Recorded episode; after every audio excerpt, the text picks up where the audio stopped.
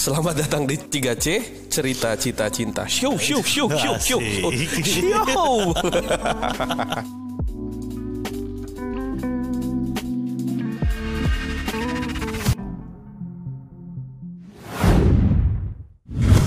Selamat datang di 3C Cerita Cita Cinta. Show show show show show. Show Senang banget gue Bapak Jaya. Hai Bapak Jaya Bapak Dan- kita semua Dan malam ini orang pertama yang mau langsung saya ajak ngobrol saya kaku amat lu.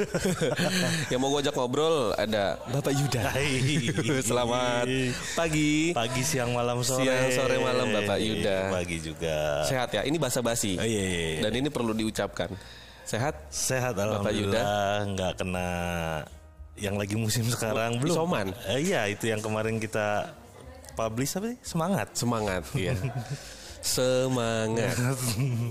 Kamu bosan ya? Hari ini ya saat ini kita mau ngobrol-ngobrol santai aja dan ya kita berharap orang-orang yang yang dengerin obrolan kita saat ini nih ya mudah-mudahan relate juga sama obrolan kita ya. Oke Ya minimal pernah ngalamin atau sedang ngalamin gitu. Kalaupun belum ngalamin nanti mereka bisa bisa ancang-ancang lah. Oke Kira-kira harus ngapain gitu kan. minimal punya pondasinya lah ya Betul. Nah satu hal, semua dari kita, lo gue gitu ya, pasti punya cita-cita dong. Oh iya pasti dong Boleh tahu nggak, waktu kecil lo cita-citanya apa, Bapak Yuda? Eh ini cita-cita ini nih gue pun taunya malah dari nyokap. Mm-mm. Jadi kakak gue itu kalau ditanya cita-cita jadi dokter kejadian Dokter, ya. oke. Kalau gue dari dulu kata nyokap sampai SD, tapi gue udah nggak inget ya itu. Eh, nyokap gue itu kalau nanya, gue selalu jawabnya jadi supir truk atau proyek. Serius loh? Serius. Supir Sumpah. sopir truk, kenapa bisa sopir truk gitu? Lu punya pengalaman dengan truk, ngelihat sopir lagi bawa truk apa gimana sampai bisa? Mungkin Punya cita-cita itu. Gini, nenek gua itu dulu punya beberapa armada truk. Oh, nah, oke. anak kecil kan selalu seneng tuh. Iya, Dengan kendaraan-kendaraan besar, ya. Mungkin akhirnya di situ gue selalu pengen seru kali ya kalau gue bisa nyupir mobil gede kayak gitu. Sesederhana itu ya, Iya. cita-cita Yuda waktu kecil ya. Iya, iya, iya. Kejadian nggak tapi? Sampai lo ada di ham- titik sekarang. Jadi untuk supir truknya sih tidak kejadian. Cuman pada saat eh, kuliah dulu, Heeh. gue pernah dapat tender pengadaan eh, subkon gitu untuk pelabuhan yang ada di Cilincing. Wih. Ya itu ngisi bambu gue inget itu 5 juta batang Luar biasa. Itu kejadian.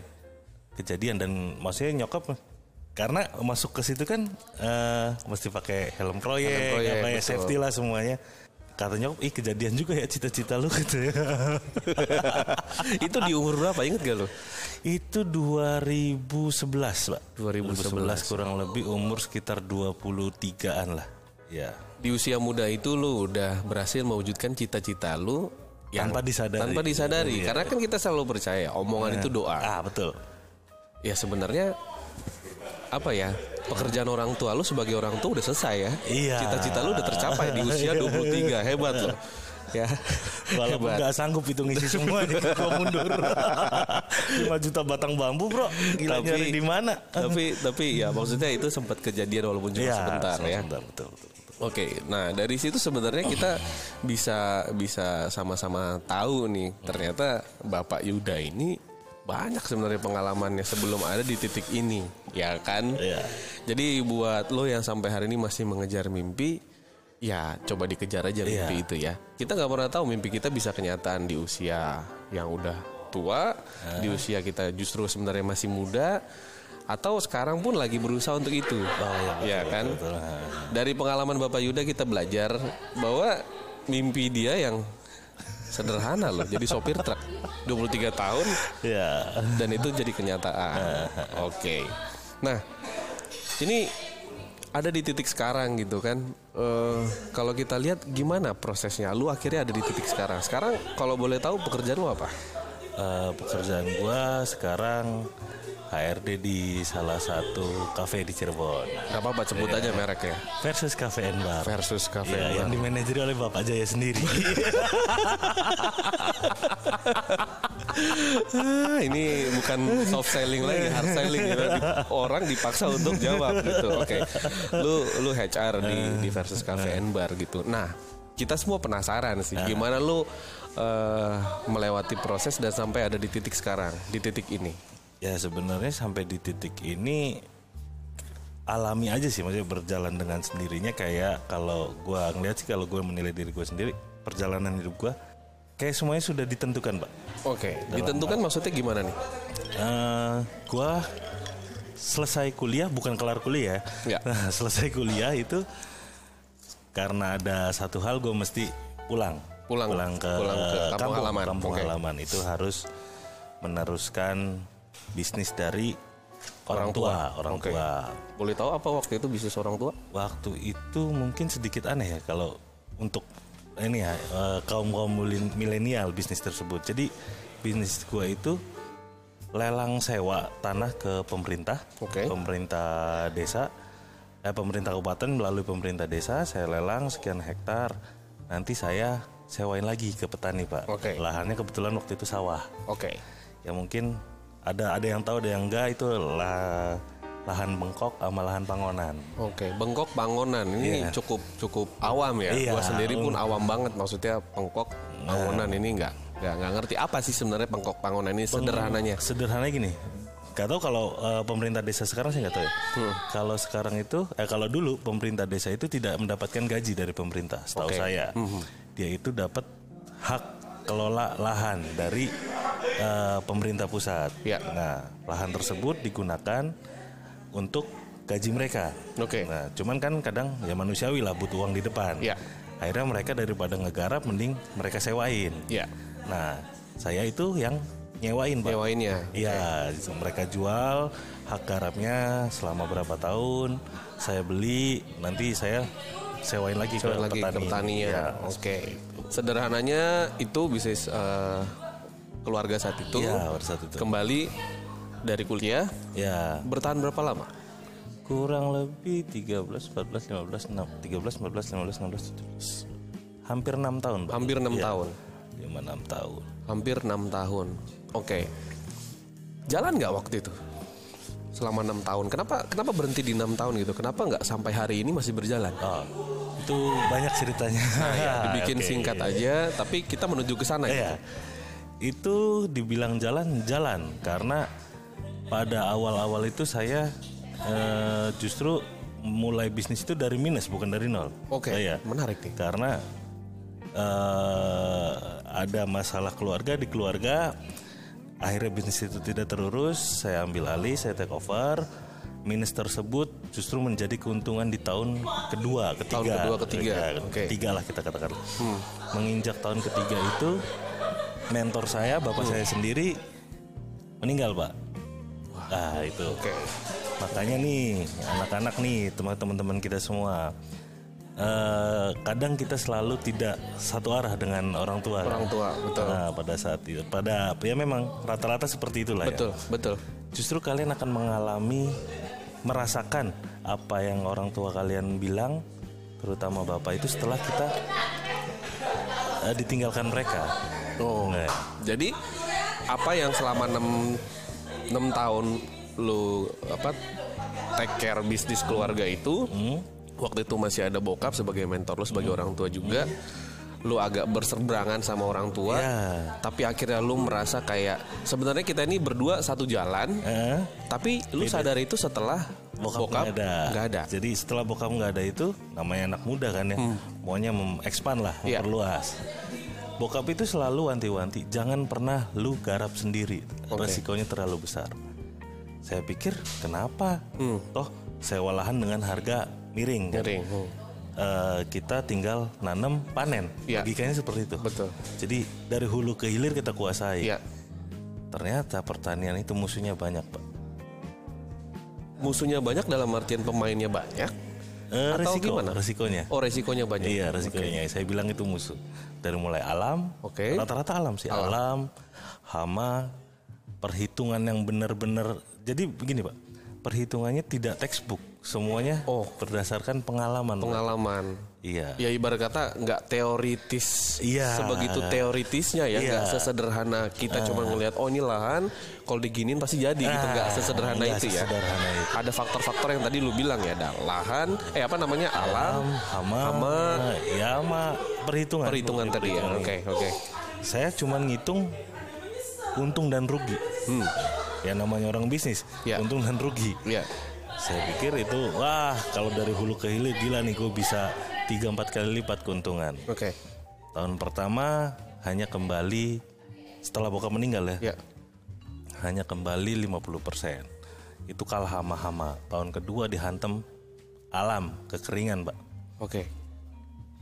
Hanya kembali berapa persen lah akhirnya karena saya modal minjem sama bank ya. Akumulatif akhirnya di tahun ke terakhir 2017-18 itu ya udah saya menyerah. Oh, Ya, itu setelah bokap nggak ada. setelah bokap nggak ada, Pak. Setelah bokap nggak ada, karena eh, ya gue balik lagi sedikit ke tiga faktor tadi yang lu bilang gitu ya. Tidak sesederhana itu dan Iya. pada akhirnya lu kehilangan mentor, lu ngerasa lu nggak sanggup. Ya nggak sanggup karena ya gue mikir tadinya gue bisa kayak gini gue tiga tahun tuh gue bisa ngasih surplus lah katakanlah. Iya, Ternyata nggak segampang itu. segampang itu. Oke. Nah, bisa dibilang di titik itu lu apa ya? Lu down kan? Down. Down, ditinggal bokap. Akhirnya lu mundur dari bisnis yang selama ini lu yakini lu bisa untung gitu. Hmm. Apa yang akhirnya ada di pikiran lu saat itu? Dan lu ke siapa? Jadi pada saat down itu yang ada di pikiran saya, Pak kebetulan saat itu saya sudah menikah dan sudah punya anak Pak. Oke. Gimana caranya yang penting anak istri saya bisa makan. Ya. Jadi, Manusiawi ya. Ya manusiawi lah ya. Saya sisa tabungan itu hanya katakanlah untuk hidup satu bulan. Hmm. Nah, karena Nekat juga lu ya. Iya pak. Semua aset saya jual kan untuk menutupi hutang kan.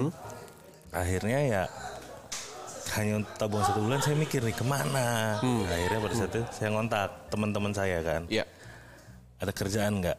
Ya. Ya akhirnya ada eh, kebetulan teman dekat saya Pak Yovan dia bilang oke lu ikut gua karena dia pun sebenarnya sudah dari beberapa tahun sebelumnya ngajak. Oh, berarti proses sebelum ada di titik itu Eh, sebenarnya dari Pak Yovan sendiri itu udah ada ajakan ya. sempat ada ajakan. Ayo lu ikut gua, Iya. ayo lu ikut gua. Cuman momennya belum ada Belum waktu ada, itu. ya. Bisa dibilang tahun berapa itu? Ingat gak? Pertama kali ngajak join 2015. 2015 start. Pada akhirnya lu ya udah gue ikut lu deh gitu. Iya, 2000 berapa? 2018, Pak. 2018. 2018. Berarti dari Indramayu lu ke Cirebon saat itu. Ke Cirebon. Gua bawa anak istri gua. Hmm? Uang yang buat hidup satu bulan itu saya split Hmm? untuk kontrak. Ya akhirnya sudah. Gue bekerja itu pun Yovan bilang gue nggak bisa ngegaji lu sepenghasilan lu. Udah Iya. berapapun yang lu kasih, yang penting gue bisa makan. Oke, apa yang ada di pikiran lu saat itu gitu? Eh, apakah hanya sebatas ya udah yang penting gue bisa makan atau ada ekspektasi lain gitu? Yang penting satu gue bisa makan, dua pelan-pelan gue bisa maju, atau apa apa pikiran lain saat itu yang ada di pikiran lu? Pada saat itu belum, Pak. Yang penting saya bisa berarti nyelamatin hidup saya dulu nih. Oke, Ibarat hidup kata- lo, bini lo sama anak lo saat itu ya. Ah, Ibarat kata, yang penting gue udah nggak lapar lagi deh. Oke. Sesimpel itu. Oke. Pada akhirnya apa profesi yang lu jalanin saat itu 2018? Pada saat 2015 eh 18 itu saya ditempatkan di Waha. Mhm. Posisinya pada saat itu marketing. Mhm. Jalan berapa bulan? eh, mungkin Yo- Yovan melihat Potensi lain? eh, potensi lain. Mhm. Saya dipindahkan ke Versus. Oh, dipindahkan ke versus. Nah, Oke. Dipindahkan ke versus. Nah, ini menarik ya. Iya. Ternyata prosesnya eh, agak nggak nyambung gitu kan dari Iya. ngurusin lahan, sawah, ngurusin eh, bidang entertainment. Dan sekarang lu ngurusin orang, ya kan? iya, Di ngurus tuh orang, ngurus manusia Ya, sekarang. ngurus manusia itu uh, ilmu yang paling susah. Iya. Gue selalu bilang itu ilmu yang paling susah karena uh, ya walaupun ada sekolahnya gitu ya, Hmm. psikolog kita jadi psikolog gitu, yang dipelajari luar dalam lagi. Tapi nggak sesederhana itu. Ini Iya. ada kemiripan sama lu ngurus lahan tadi gitu. Hmm. Banyak hal-hal yang apa ya unpredictable, surprisingly tiba-tiba manusia dia selama ini kita pelajari seperti ini tiba-tiba dia berlaku aneh gitu. Nah ini sama ada kemiripan gitu ya. Makanya uh, gue nggak tahu nih selama lu ber- berproses tadi dari Waha akhirnya di versus. Di versus sekarang 2021 berarti kan start 2000 berapa lu di versus? 18. dari 2018 kurang lebih sekitar tiga tahun gitu.